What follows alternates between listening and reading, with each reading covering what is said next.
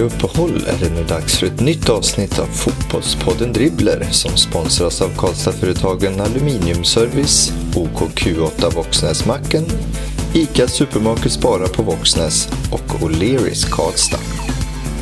Inför VM som nu pågår i Frankrike åkte jag till Göteborg och träffade Elin Rubensson och fick höra henne berätta om en fotbollskarriär där hon redan vid 21 års ålder hade hela fyra SM-guld.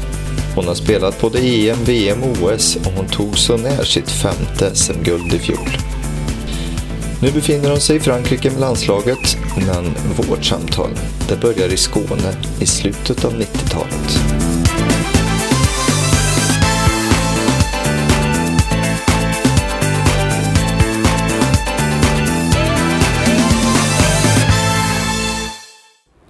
Jag kommer ju från lilla Marieholm som ligger mitt i, mitt i Skåne, eh, ute på landet. Ett litet samhälle på 1500 personer tror jag vi bodde där då.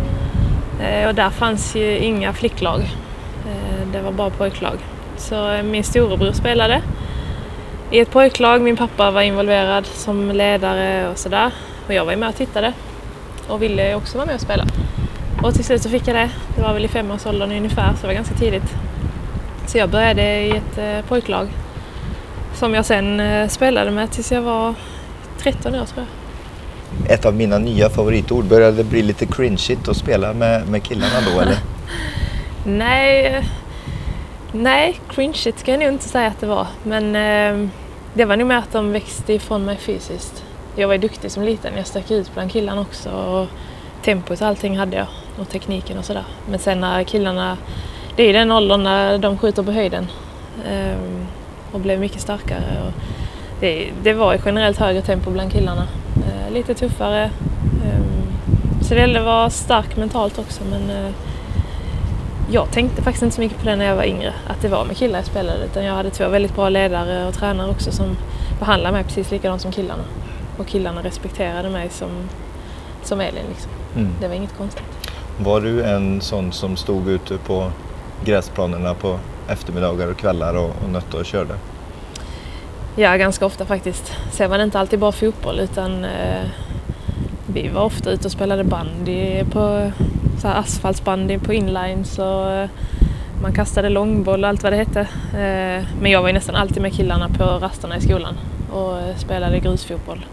Ehm, så var det nu. Mm. Du kom ju tidigt med i eh, i en massa ungdomslandslag. Du har gjort ganska många ungdomslandskamper mm. Eh, och du har gjort en herrans massa mål. Mm. Du har ju sen flyttats runt och spelat på ganska många positioner i ert lag. Men var det så du började som en giftig teknisk forward eller? Eh, ja, jag har alltid varit eh, central, sen mittfält forward, lite blandat. Men i mina första år i landslaget är det som du säger. Och när jag kom upp i Allsvenskan i början var jag som forward. Och eh, ja, stänkte dit ganska många baljor i landskamperna faktiskt. Um, och även gjorde en del mål i Allsvenskan mina första år också. Uh, sen som du säger fick jag flytta ner. Hamnade på kanten ett tag och sen var jag ner en sväng på ytterbacken också. Nu är jag tillbaka där jag vill vara. Men hur gick det till då? För jag menar om man gör väldigt mycket mål, det är ju en spetskompetens som efterfrågas i alla lägen. Mm. Vad är det som gör att du vandrar ner i plan? Är det någon som ser någonting hos dig någonstans som gör att du hamnar där eller? Jag tror det var på grund av konkurrensen i, i Rosengård, eh, eller LDB Malmö som vi hette då. Vi hade ett väldigt stjärnspäckat lag i Malmö, vilket var jätteutvecklande och eh, hade fantastiska år i Malmö. Eh, men konkurrensen var ju stenhård. Så då blev det väl en kant som blev ledig antar jag. Och fick spela ganska mycket kant. Hur tog du det då?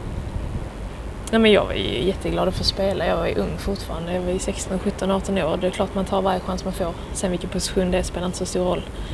Sen... Det var inte så där liksom att jag, jag gör massor med mål. Vad gör jag här nere på högerbacken? jo, när jag kom ner som back så började jag... För på, jag gjorde mål från kanten också. Så det var inte lika stort steg. Men sen när jag kom ner som ytterback det var ju lite samma där. Jag fick spela väldigt många A-landskamper som ytterback och det var ju också för att det behövdes just då. Men jag kom ju till en gräns där jag kände att nej, men jag får inte alls ut det som jag kan som ytterback. Ehm, jag har ju mina kvaliteter i det offensiva. Sen tror jag absolut att det, var, det har varit nyttigt för mig också att varit nere där och jag har en lite annan förståelse nu för mm. hur det är att vara back också. På lång sikt kanske det kan vara mm. nyttigt eller?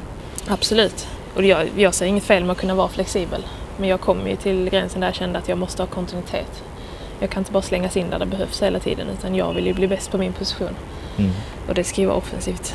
Ehm, men ja, absolut, jag har jättemycket lärdomar från att vara ytterback. Hur var det att flytta då till, till Malmö? Du var ju ganska ung. Mm. Var du där i fyra eller fem, fem år? Jag var där fem år. Ja, och vann SM-guld fyra. Ja. Eh, tufft att komma till en, mm. som en ung tjej. Hur mm. var det? Ja, jag flyttade in när jag var 16 från lilla landet in till storstan i en egen lägenhet och började gymnasiet in i Malmö. Eh, jag hade ju några av mina bästa kompisar, Amanda Ilestedt bland annat, som också spelar i landslaget nu i Tyskland. Eh, vi gick i samma klass och spelade i samma lag, så vi, jag hade ju trygghet i laget sådär. Eh, men det är klart det var tufft. Men jag hade väldigt bra tränare under de åren. Jag hade Martin Sjögren som jag utvecklades väldigt mycket under hans ledning och de tog verkligen hand om oss som unga spelare. Ehm, så eh, det var ett väldigt stort steg men jag fick spela mycket trots att jag var så ung. Ehm, och kände att alltså det är några av mina bästa fotbollsår, absolut, mm. utvecklingsmässigt. Mm. Hur är det att komma då som ny? Jag vet, jag har suttit här eh, några platser härifrån och snackat med Stefan Rehn. Han spelar ju i IFK Göteborg och de är väl världskända i hela Göteborgstrakten, eller hela Sverige i alla fall, för att, att hålla på och prankas och sådär, eller gjorde förr. Thomas Wernersson sa till mig att det där fick man sätta stopp för någon gång på 90-talet för det, det skulle hela tiden bara bli värre och värre. Hur är det att komma som ung tjej? Är det ungefär samma eller är det helt annorlunda? Pranks vet jag inte men eh, det är klart att det var hierarki ja. när jag kom till Malmö. Och man fick veta att man var yngst, så var det. På vilket sätt? Ja, men det kunde vara allt möjligt. Du skulle ta materialet. Eh, man skulle sköta sig. Eh, det ska man ju såklart göra oavsett ålder men det är lite så de yngsta bär material. Eh, och, nej, men sätts, man skulle sättas på plats när man gjorde något fel. Man skulle få höra det. Och det tycker jag är bra till en viss gräns. Sen ibland såklart blev det jobbigt men ibland är det bra att gå den hårda vägen också. När kunde det bli jobbigt då? Men ibland så kanske man gjorde saker som inte var menat. Mm. Uh, jag vet jag glömde min tvätt någon gång och fick höra, jag glömde tvätten på golvet istället för att lägga den i tvättkorgen och fick, fick höra det väldigt argt. Mm. Uh, och det var ingenting som jag hade gjort med meningen. Så det är klart, det, sådana grejer kunde kännas lite... Men jag gjorde aldrig om det heller. Nej. Så det är klart, jag, man lärde sig av det. Kunde det vara jobbigt också att, lura upp någon av de mer etablerade spelarna på läktaren? Kunde sånt också? Eller, eller gav det respekt istället? det var inget jag kände av på det sättet. Eh, på planen var vi... Nej, på planen var det inget sånt. Eh, vad jag kan minnas i alla fall. Utan där respekterar vi varandra oavsett. Ni var ju oerhört framgångsrika i, i Malmö, sedermera Rosengård sen då.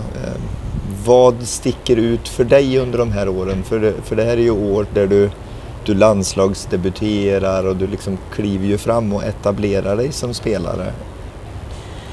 Det är såklart alla, alla SM-guld som vi tog. Det var ju jättehäftigt. Och sen det här för att vara ute i Europa och spela Champions League, få känna på det och möta de bästa lagen i världen. Sen eh, att få spela tillsammans med Marta.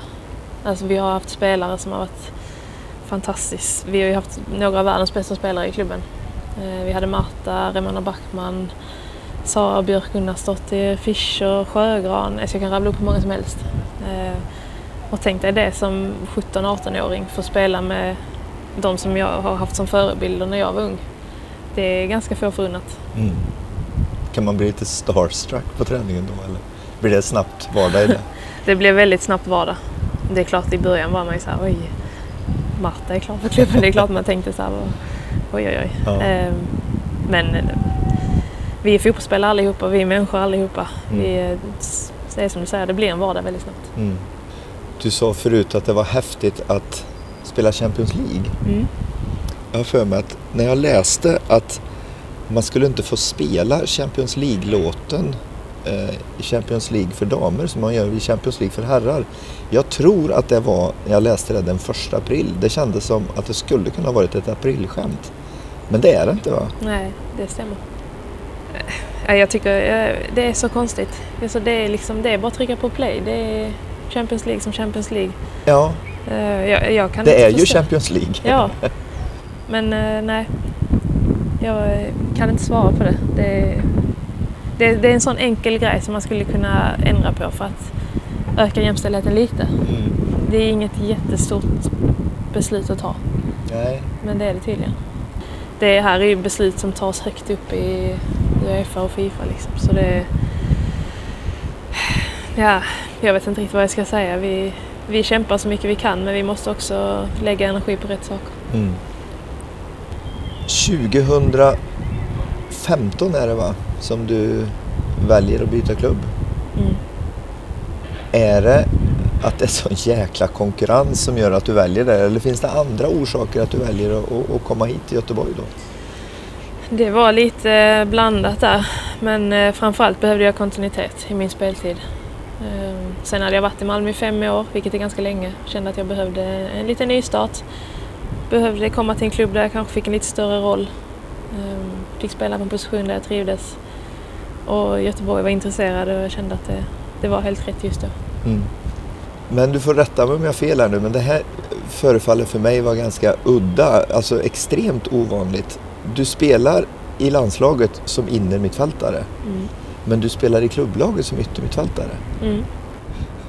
Okej, det är det lät som att du inte var helt nöjd med det beslutet. Jag spelar alltid där tränaren vill ha mig och just nu är det det bästa för laget. Sen, eh, s- det är ingenting jag himlar med. Jag vill vara central mittfältare. Ja, okej. Mm. Eh, sen har det gått väldigt bra på kanten och jag trivs bra där också. Men Mm. eh, eh, det är där jag känner att jag får ut mina kvaliteter som bäst. Den dagen du blir spelande tränare, då spelar du mitten. Ja, exakt.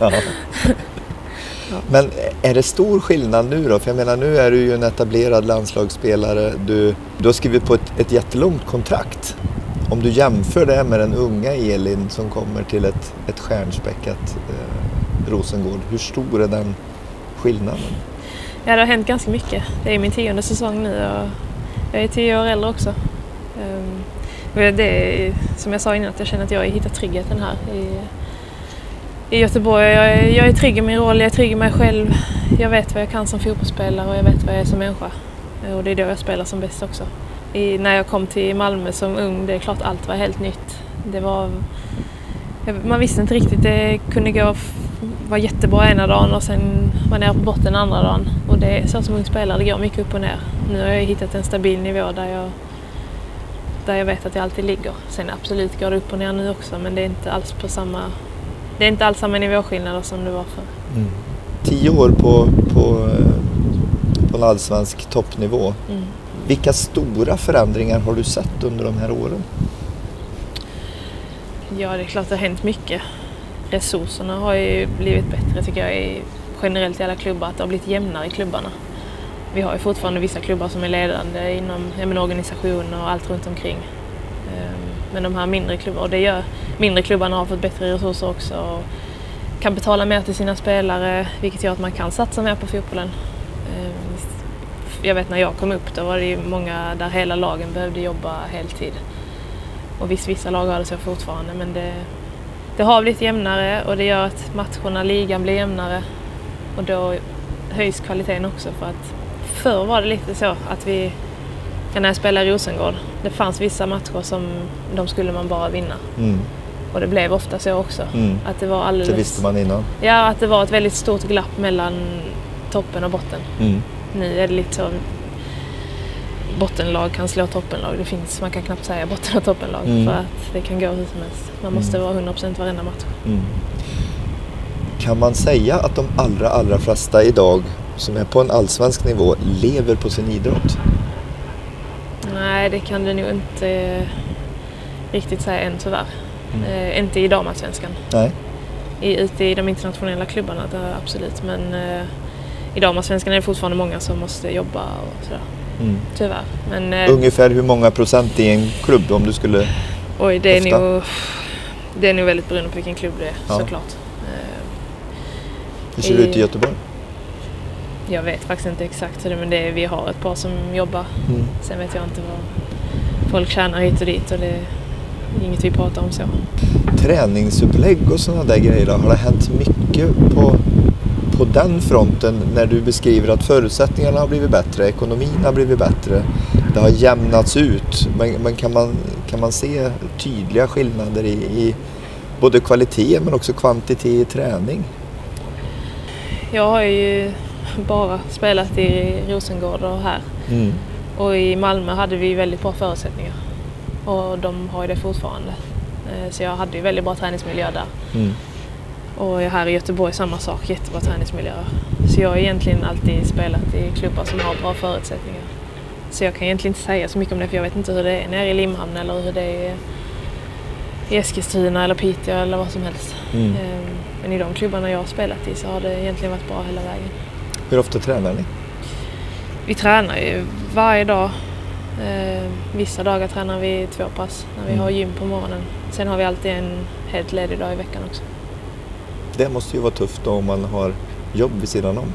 Mm. Jo men det är ju vissa som åker till jobbet på morgonen och kommer direkt från jobbet till träningen och sen är man hemma vid 6-7 på kvällen. Mm. Men det är mångas vardag. Mm. Jag tror att man får backa till första halvan av 90-talet kanske. Där någonstans tror jag, när man jämför då med den framgångsrika Göteborg till exempel under 80-talet som ju jobbade allihop liksom. Mm.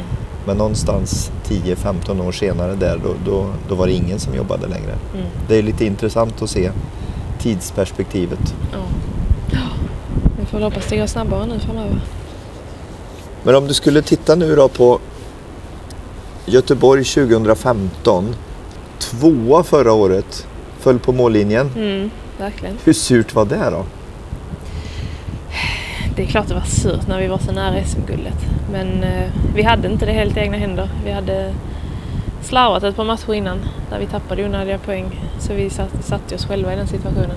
Men eh, med tanke på året vi hade innan dess så är vi såklart jättenöjda med en andra plats och att vi ska spela Champions League detta året.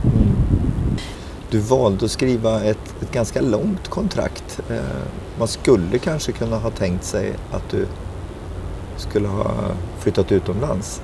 Men istället valde du att skriva ett femårskontrakt förra året. Va? Hur gick tankarna där? Ja, det var ju lite eh, olika orsaker såklart. Ehm, det är många som frågar det här med men ska du inte gå utomlands och bli proffs? Och helt ärligt så har jag, jag har haft chansen att gå men jag har känt att som jag har sagt tidigare, för mig är det viktigt med trygghet och känna att jag utvecklas hela tiden och eh, men trivs med allt runt omkring. Och jag har inte känt att läget har varit riktigt rätt att gå. Ehm, det var också under tiden som jag spelade mycket ytterback. Jag vill eh, verkligen etablera mig här på mittfältet. Sen kan jag inte säga att den dagen inte kommer. Men nu har jag skrivit fem år med Göteborg och det är mycket för att jag känner att jag utvecklas här varenda dag. Ehm, jag trivs, vi har köpt hus i Göteborg. Jag har mycket, mycket sidoprojekt vid sidan om fotbollen som är viktiga för mig för att må bra och kunna prestera fotbollsmässigt också. Så det känns som att just nu ligger pusslet rätt här.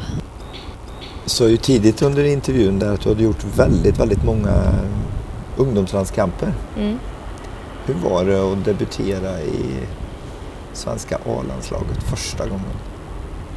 Det var jättehäftigt. Jag har faktiskt tyvärr inte så mycket minne av matchen. Det kan vara för att jag har dåligt minne generellt. Jag tror mest på det. För jag, men jag minns, jag minns ju när jag stod där och skulle hoppa in.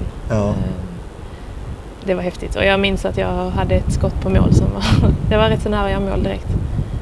Det är typ det, det jag minns från min debut. Men att dra på sig den tröjan för första gången i, i ett A-landslag, det var ju en dröm. Liksom. ja. Hur gammal var du då? Det var 2012. kan man ju räkna hur gammal jag var. Ja. Jag tror jag var 19. Ja, då hade du inte fyllt 20 än. Nej, 19. Nej. Häftigt. Mm. Det är ju ett VM på gång. Mm. Men du har ju, du har ju gjort både ett VM och ett OS och ett EM. Mm. Är det stor skillnad? Eh, Jag skulle säga att EM och VM är mer likt varandra som mästerskap.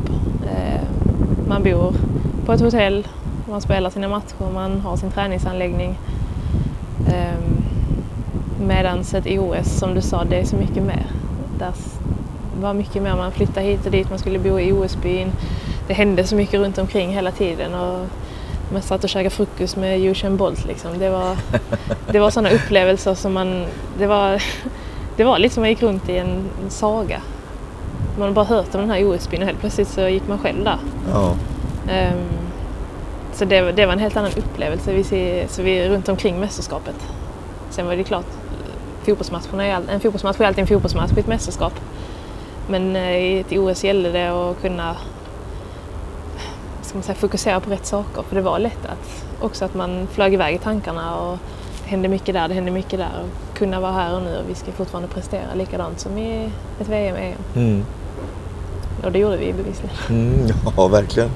Men blir det sådär lite av och på då? Att man, nu är det fokus, nu är det liksom match om några dagar och sådär. Och så samtidigt kan, kan man under den där långa tiden ändå unna sig att koppla av och åka och, och göra saker liksom ihop och så? Eller, eller hur, hur gjorde ni? Eh, ja, vi försöker ju alltid när vi är iväg, speciellt under sådana långa perioder. För när vi är på vanliga läger och sådär, då, då försöker vi alltid hitta på saker. Man gör någon utflykt och om man åker till ett annat land så ser vi ofta någon sevärdhet där och för att kunna koppla av lite och få se världen också för vi är ute och reser väldigt mycket mm. och då vill man ju ta vara på det. Eh, sen i mästerskap är det lite annorlunda för det är väldigt påfrestande att vara iväg. Eh, det tar mycket krafter och man är iväg i en stor grupp en väldigt lång period. Så det är väldigt individuellt också att vissa vill kanske, vissa kanske behöver mer tid för sig själva och stanna kvar på hotellet medan någon annan vill ut och göra saker hela tiden. Det, det är väldigt anpassat så. Får man göra olika? Ja, absolut. Mm. Mm. Det, det, som är bäst, det som är bäst för dig är det bästa för laget. Mm. Så är det. Um, men absolut att vi, vi gör ofta väldigt mycket saker också. Um, utöver fotbollsmässiga. Det tror jag är väldigt viktigt. Typ vad då?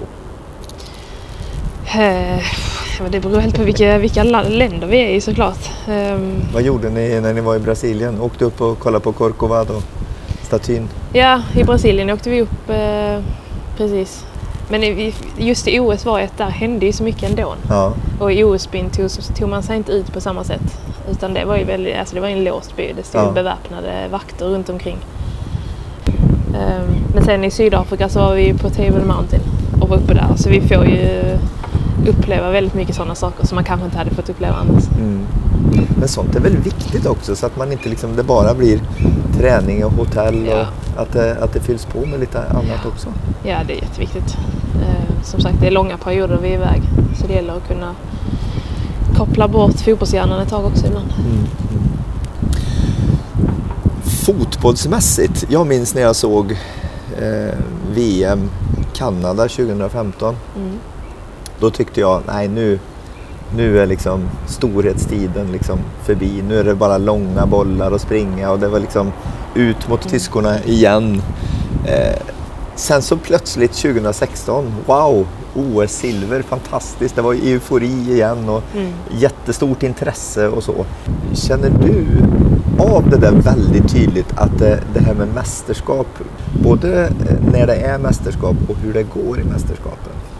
Ja, absolut. Det är ofta mästerskapen som, som sätter prägel på själva sporten just då. Mm. Eh, och VM var ju, det var en liten flopp. Mm. Eh, vi kom inte alls upp i nivå och var ett misslyckande liksom. Eh, men att sen resa sig och spela OS året därpå där vi kanske egentligen, om man ska vara rent krass, inte spelar den bästa fotbollen men vi hittar en vinnande väg. Mm. Vi tar oss hela vägen till final och helt plötsligt så är vi hjältar i Sverige. Ja, visst. Och det, det är rätt häftigt hur det kan gå så snabbt och att det blev en sån stor påverkan på damfotbollen och på spelare. Och, ja, det, det, var häftigt hur, hur den vändningen kunde gå liksom från ett år till ett annat. Vi kände också att nu när vi tog det där silvret att nu har vi vår chans att ta tillvara på detta. Mm. Att nu, vi har visat fotbollssverige, vi har visat världen att så här bra är vi. Vi har mm. tagit en OS-medalj. Det är mm. inte alla som har gjort det. Att kunna bygga vidare på det och ta tillvara på den möjligheten att pusha på damfotbollen ännu mer. Mm. Eh, det kanske nu det är dags för sponsorer att kliva in. Mm. Men jag förutsättningarna lite bättre. Vi har presterat. Mm. Eh, det är klart att man kan använda det. Um, så det där silvret, jag tror det var väldigt viktigt för damfotbollen. Mm. Kände du att ni fick den utväxlingen ni hoppades på? vi fick en väldigt stor utväxling med väldigt mycket saker. Det var svårt att veta vad man skulle hoppas på innan men det går, det som jag sa innan, det går framåt för varje år. Mm. Det var ett par straffläggningar. Hade du gått fram och tagit en? Om du hade blivit tillfrågad? Ja, jag hade ju faktiskt, jag stod med på listan där när de här fem första var slagna. Jag tror jag skulle slå åttonde straffen eller något sånt. Det kan jag säga själv att jag var väldigt nervös. Jag hade svårt att sova innan eh, både semifinalerna och finalerna. Jag, eller kvartsfinal och semifinalerna. Mm. Och det var mycket på grund av men det var mycket tankar. Tänk så kommer en straff och tänk så är jag den som missar. Mm. Mm. Samtidigt så, så vet man som fotbollsspelare att vem som helst kan missa. Ja, vi visst. är ett lag. Jag pratade med många av de mest rutinerade spelarna och vi pratade verkligen om det jag sa och jag kände. Och man får hitta trygghet i varandra i de lägena. Mm. För det, det, det, det låter simpelt med en straff. Men, nej, men att gå fram där och veta att du har, nej, exakt, du har hela nationen på dina axlar. Och, om, ja, en, man funkar ju så som människa att tänk, tänk så missar jag. Istället ja, för att tänka hela tiden men den här sätter jag lätt som helst. Mm. Och sen är det vissa personer har, tänker ju så att mm. men den här är ju hur lätt som helst. Och så mm. går fram, du såg Lisa Dahlqvist som tog de två sista straffarna i båda matcherna. Det var ju hur iskallt som helst. Men hon, eh, hon beskrev det som att det var, det var inte jättenervöst utan den skulle in liksom. Ja, ja, nej hon hade ju inga nerver överhuvudtaget. Och så stod en annan som ett asplöv vid sidan. Och så det, men det är också rutin och erfarenhet. Ja, absolut. Att kunna hantera sådana situationer. Mm. Jobbar man eh, på, på sådana plan också eh, numera? Att man jobbar mer med den mentala biten? Jag tänker klubblag, landslag. Ja, det är något vi jobbar mycket med. Både i landslag och i klubblag. Jag tycker det är en jätteviktig del. Mm. Det är nog något som har blivit vanligare tror jag, sen jag började. Om man ska dra paralleller till tidigare. Mm. Eh, det är viktigt. Hur jobbar ni då? Nej, men vi, har, vi jobbar med en mental coach eller en psyko, psykolog. Ehm, det kan vara vi jobbar med massa olika övningar. Med mycket bara lyfta saker, sitta och prata. Skaffa relationer inom laget. För att ibland så tror man att jag tror att du tänker på ett visst sätt. Men så gör du egentligen inte det. Mm. Då kan det bli att man krockar. Liksom. Mm. Men eh, får man då prata ut i, i ett lugnt rum mm. att jag hade, jag visste inte att du tänkte så. Mm. Att jag, jag kanske inte kan skrika på detta sättet till dig på planen för att du tar det som negativt medan jag skriker för att jag tror att du blir taggad. Sådana grejer, det är väldigt bra att klargöra sådana saker för man måste behandla alla olika. Vissa klarar av att ta mycket kritik, vissa vill ha kritik, vissa... Ja, du vet, det mm. finns så mycket saker som helst som är, skiljer sig från individ till individ. Um, och det är viktigt att lära känna varandra på det planet. Mm. Sen uh, är det viktigt att kunna, vi, vi har ju jättehöga krav på varandra, att kunna hantera det. Men kan det vara så att man, man har liksom så här runda bords eh, där man rensar luft ordentligt sådär att nu gjorde du så här, nu sa du så här till mig och jag, jag gillar inte det. Liksom. Är det är det sådana runder man kan ha inför alla, både på klubb och landslagsnivå? Eller är det i mindre sammanhang? Ja, men det är lite sådana möten vi har. Eh, sen är det inte så hårt som, som det, det låter när du berättar. Nej, men jag tänker att men... du skulle kunna säga Nilla, när du håller på och skriker så här till ja. mig. Jag, då, jag upplever det så här, jag skulle hellre vilja att mm. du... Jo men det är lite precis så vi jobbar. Att, mm. att man lär känna varandra på det sättet. Mm. Eh, för det är mycket, som i landslaget, när man inte spelar i klubblaget ihop så lär man inte känna varandra lika mycket som en som jag tränar med varenda dag. Nej. Då, då behöver man kanske inte prata om det på samma sätt för att då vet man lite mer. Men också när du kommer ny till ett landslag, när man inte känner någon, då är det ganska bra att kunna men berätta det för varandra. Att, men, så jag upplever dig på ett negativt sätt nu. Mm. Gör så här istället. Men är inte det jättesvårt att säga när man kommer som ung? Liksom, tänk dig själv den unga Elin Rubensson 2012. Mm. Att kunna kliva in till en etablerad, vad ska vi säga, mm. Therese Sjögran och säga jag, jag tycker det är jättejobbigt Therese mm. när du säger mm. så här till mig. Är inte det, det är... svårt? Eller, eller fin, skapar man eh, en situation då det är okej okay att göra det? Ja men det är lite det vi är ute efter. att Just de mötena vi har där, då, då är det okej okay att göra det. Mm. Det spelar ingen roll om du är 16 år eller om du är 35 år. Utan vi, vi är människor allihopa. Och det, det är den tryggheten man vill få till i ett lag, att alla ska känna att du ska säga vad du tycker. Mm. Eh, att man ska inte vara rädd för någonting. Sen kanske inte allt går fram alltid men alla vågar inte säga det ändå. Mm. Det är helt fullt förståeligt och man behöver inte göra det. Men tror det är viktigt att lyf våga lyfta saker och att man har den tryggheten i laget att alla kan göra det. Mm. Sen kom EM i Holland Mm. och ett lite tidigare uttåg. Mm. Blir det lika tydligt åt andra hållet? Ja men det är lite så som jag sa innan att mästerskapen är ju det som folk har fokus på. Mm. Ehm, Så det är klart att det var, det var tungt att åka ut så tidigt. Och det var också ett litet uppvaknande tyckte jag att man ser att damfotbollen går framåt i världen. Att Holland gick och vann. De har inte varit någon jättestor nation tidigare Nej. men det har exploderat och de spelar fantastiskt fin fotboll. Och intresset under det mästerskapet var ju större än någonsin också. Det gäller att hänga på det här tåget för det går snabbt ut i fotbollsvärlden. Men finns det saker som holländskorna hade gjort då som ni också kan, kan jobba vidare på? För jag menar, kan de så kan väl ni?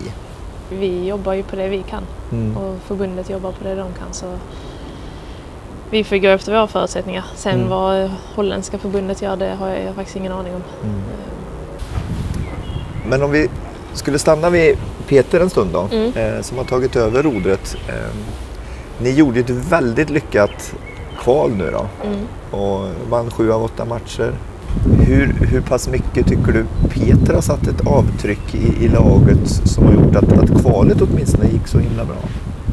Ja, men jag tycker både Peter och Magnus har kommit in och har tydligt spel i det. Vi vet vad vi ska göra. Tycker vi spelar en, en rolig fotboll som jag ser det. Vi vill spela på backen med passningsspel genom lagdelar. Och också som vi var inne på innan med just den här gruppdynamiken som vi har fått ihop. Eh, Så jag tycker de har kommit in och gjort jättebra. Chile, Thailand och USA. Mm. Har du mött Chile och Thailand förut? Spelat Nej. mot dem? Nej. Nej. Vet du något om dem? Chile vet jag faktiskt inte alls mycket om. Thailand har ju, jag tror det var någon jag, som har mött dem. Eller om jag har sett någon match. Men egentligen vet jag väldigt lite om båda lagen. Ehm, Men det är absolut lag som vi... Om vi kommer upp i nivå så ska vi vinna över dem. Mm. Så vi har ju möte innan landskamperna om eh, laget, om varenda individuell spelare i motståndarlaget. Och vill du ha mer information om den du ska möta så kan du eh, gå och få det och få klipp. Och, så det, förutsättningarna är fantastiskt bra. Vi kan inte vara mer förberedda än vad vi är till landskampen. Får man sånt individuellt då eller måste man sitta och lyssna på vad alla har för spelare då? Är det stormöten där eller, eller går man in och får sin tid? Nu- Nu ska du preppas med, med dina tänkbara motståndare på planen eller hur funkar sånt? Eh, Nej, vi har ett möte där vi generellt går igenom motståndarna. Mm. Och där går man kanske inte in. Visst, man säger några meningar om varje spelare och vad man ska tänka på och hur de löper och hit och dit.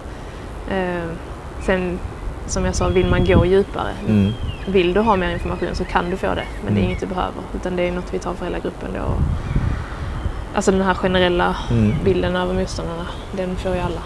Eh, sen är det inte alla som vill veta vad motståndaren gör exakt. Utan man tänker mer på sin egen prestation och att man gör likadant oavsett. Så det är väldigt individuellt. Hur brukar du göra? Jag brukar lagom är bäst. Så lite så. Jag jag har gärna koll på motståndaren. Men eh, sen exakt vad den brukar göra det för jag tänker att du måste ändå lösa situationen i match. Det kan ju vara att den spelaren gör en helt annan grej än vad du hade tänkt. Och då, har du då förberett dig på en sak och så gör, har de ändrat taktik eller hon gör något helt annat. Ja. Då kanske du blir helt ställd. Mm. Så lite information men inte... Jag brukar inte gräva så jättedjupt. Lagom är bäst. Lagom är bäst. Mm. Hur coolt var det eh, att kliva in på Friends? Vad, när var det? 6 april? 26 000 och slå publikrekord. Mm. Nu fick ni stryk matchen, det var en träningsmatch. Jag vet inte om det var jätteviktigt eller inte, men om man stannar en stund vid vi har ändå varit inne och nosat på de här områdena med intresse och förutsättningar och sånt där. Att, att kliva in på ett Friends med så mycket folk. Hur, Mm. Du har ju ändå ett perspektiv nu, du har hållit på ett par år. Mm. Det är jättehäftigt att få vara med när publikrekordet slås och få spela den matchen och mot Tyskland. Eh, Det var en jättehäftig inramning Mm. och häftigt att det är som jag sa innan att det har hänt saker ute i världen Mm. och att nu har vi visat i Sverige också att det händer här också. Som du sa, det var en träningsmatch. Tänk om det hade varit en tävlingsmatch eller ja, vad som Mm. helst. Eh, Så det är häftigt att intresset finns ju verkligen där. Kan man känna att, att man har varit med om någonting stort och bidragit till någonting, en utveckling, någonting för kommande generationer. Så kolla att har vi ändå kommit hit. Mm. Kan man känna sådana tankar? Ja, absolut. Jag kände det efter den matchen att det var väldigt mycket meddelande på sociala medier framförallt Mm. mm. från unga tjejer som var på matchen. Framförallt unga tjejer men även killar Mm. Som var på matchen och, och det var så häftigt och det här, är, det här är min största dröm att också få spela en sån match och att vi liksom kan göra det avtrycket hos, för det är ju för framtiden vi gör detta också. Mm. Eh, vi, vi hade ju kunnat låta bli att ta striderna för att vi har det ganska bra nu. Och, ja, men vi hade kunnat vara nöjda. Men vi vet ju också hur mycket vi kan göra för nästa generation som kommer. Och nästa generation efter det. För vi vet också hur mycket de innan oss har slitit. Mm. För jag tror ju att det är jätteviktigt att kunna få se upp till en Mm. Elin Rubensson och, och vilja vara Elin Rubensson. Mm, Eh, Och ha idoler att se upp till, att försöka följa i, i spåren av. ja, det är någonting man ska ta tillvara på. Absolut. För man vet hur viktigt det var för en själv i den åldern. Det är jätteviktigt. Om du skulle dra till med något litet tips inför sommaren då? Eh, Chile och Thailand ska ni slå sa du. USA är USA. Mm. Vad är realistiskt att ha för förhoppningar och, och mål inför sommarens VM? Det är alltid svårt att svara på. Ehm, Det är klart man vill gå så långt som möjligt. Det är ett jättetråkigt svar. Men ehm, att ta sig vidare från gruppen är framförallt steget. Vilka ser du som favoriter? Det finns ju många lag som eh, har gjort det väldigt bra på sistone. Ehm, Tyskland är alltid Tyskland, jag säger det. De jäklarna. Ja. Det har ju varit några matcher nu där ni har fått stryk i, i, i stora mästerskap. Jag, jag blir glad varje gång jag hör att vi ska möta Tyskland. Och även USA. Vi har gjort jättebra matcher mot USA i mästerskap tidigare. Ehm, Så jag ser bara fram emot att spela sådana matcher. Underbart. Mm. Jag ser fram emot att få följa dig från tv-soffan. Det hoppas jag att vi får. Jag eh, vill ju bara få avsluta med eh, Elins All Star Team. Och då Mm. får ju den se ut precis som du vill. Ja. Och då är ju frågan hur det kommer att bli. Ska det vara spelare du har spelat med, mot, nationellt, internationellt eller ska vi bara freebasea? Jag tycker vi freebase. Ja, härligt. Totalt. härligt. Men då tycker jag ändå att vi börjar och nämner en målvakt som är Ja. jäkligt bra. Hilda Carlén. Hon har precis blivit mamma. Men ja, hon är en av mina bästa vänner. Och fantastiskt duktig målvakt. Då är det ju klart att hon ska stå i ditt lag. Ja, Det är klart. självklart. Ja, absolut. Är det någonting man går och funderar på när man är tjej och fotbollsspelare? Eh, vad händer om jag blir gravid? Ja, alltså det är ju såklart det är, det är livets gång. Eh, och det, är väl, det kan inte jag svara på för alla andra men ja, såklart jag har tänkt på det eh, i framtiden. Det är en av mina största drömmar, liksom, Mm. att bli mamma någon gång. Mm. Sen om det är... Jag har ingen aning om när det är, för just nu är det min karriär som är i fokus. Men att jag inte tänker på det, då skulle jag ljuga. Och Det är ju något som skiljer här och damfotbollen såklart. Ja, men absolut. Och där ska man plane- planera in det under sin karriär eller ska man vänta till efter. Det är ju helt som man ser på det själv. Hilda får i alla fall en plats i ditt All-star-team som absolut. eh, nybliven mor. Ja, Mm. det Härligt. Ja. jättebra. Jag är helt övertygad om att du kommer inte att sätta dig själv på högerbacken. Men Nej. vem kommer att få vara där? På högerbacken skulle jag sätta vår eh, högerback här i Göteborg, Emma Koivisto. Mm. Fantastiskt duktig spelare. Hur vill du formera det här nu? Ska vi prata ett, klassiskt mittlås eller vill du jobba på ett annat sätt? Vi kör ett klassiskt 4-4-2 tycker jag. Ja, det är tryggt. Ja, Svenskt. ja. Då sätter jag Amanda Ilestedt som mittback. Också en av mina närmsta vänner. Hon var min brudtärna på mitt bröllop. Och jätteduktig. Spelade i Tyskland på landslaget. Så hon får vara höger mittback. Vänster mittback. Jag, jag sätter Sem, Sembrant där. Mm. Linda Sembrant. Tycker hon är jätteduktig fotbollsspelare. Vänsterback. Jonna Andersson. Den resan hon har gjort i Chelsea nu. eh, Hon, också, hon är min eh, rumskamrat i landslaget, också jättenära vän. Eh, och den utveckling jag har sett henne göra under de här åren, det, det är jättekul att se. Jag undrar henne allt. Så hon får en plats i min elva. Om du jämför den bilden du får från Jonna och, och engelsk fotboll och eh, Amanda och tysk fotboll. Mm. Är det stor skillnad? Är det lockande det du hör eller är skillnaderna så där så att du känner att mm, jag kanske väntar lite? Det, är ju väldigt olika beroende på vem du pratar med såklart. Eh, men som nu Jonna trivs ju fantastiskt bra i Chelsea vad jag vet. Eh, hon får spela väldigt mycket och har utvecklats jättemycket. Tycker de, de spelar en rolig fotboll där borta. Tyskland, är, Amanda trivs ju superbra där med. Det är lite annan typ av fotboll tror jag i Tyskland. Lite annan mentalitet, den här tyska mentaliteten, lite tuffare. Ehm, Det är någonting som passar henne. Mm. Då kör vi högerflanken då. Mm. Där skulle jag, men får jag sätta Marta där då? Du får sätta precis vem du Ja. vill. Det är du som bestämmer Ja. laget. Då sätter jag Marta där. Mm. Hon spelade ganska mycket högerkant i, när jag spelade med henne i Malmö har för mig. Det är inte många som stoppar henne. Mm. Så det hade varit rätt trevligt att ha henne där. Jag, kan ju inte annat än att sätta mig själv på mittfältet. Ja. Såklart. Nu när jag har sagt Nej. att jag vill så gärna Du, får, du, liksom, du är ju bästis och, och liksom starstruck och alla. Det är klart att du ska vara på plan. Ja, Ja. jag sätter mig där. Mm. Höger inne mittfält. Mm. Eh, vänster inne mittfält. Centralt då. Då skulle jag sätta Sara Björk Gunnarsdottir. Mm. Som spelar i Wolfsburg nu. Som jag spelar med i Rosengård också. Eh, sån slitvarg. Hon, ja, hon var överallt och ingenstans och en riktig sån ledare som man vill ha på planen. I sitt lag. Mm. Eh, Ja precis, Mm. man vill inte möta henne. Nej. Så jag tar henne i mitt lag. Vänsterkanten. Lika Martens. Jag spelade med henne här i Göteborg också. Hon var ju här innan hon gick vidare och gjorde ett fantastiskt EM när de vann. Eh, Så den är rätt solklar också. Mm. Forward hade jag placerat in eh, Ramona Backman. Mm. Också en spelare som jag har spelat både med och mot. Fantastisk teknik, snabb, är lite lik Messi i spelstilen tycker jag. Ingen spelare man vill möta. Hon slinker förbi det mesta. Och så den sista forwarden då. Där hade jag plockat in eh, Ada Hegerberg. Jag tror de två hade kompletterat varandra. Mm. Ramona lite snabb tekniskt, Ada distinkt, eh, kraftfull forward. Gör mycket mer. Det finns både kärlek och jäkligt mycket kvalitet i det här laget. Ja, jag kände det var väldigt balanserat. Det kanske inte var så freebasat ändå. Det Nej. här var eh, kanske ruggigt eftertänkt. ja, det, ja, så här efteråt så kanske det var det. VM har börjat bra för Elin och det svenska fotbollslandslaget som besegrat både Chile och Thailand och nu är klara för åttondelsfinal.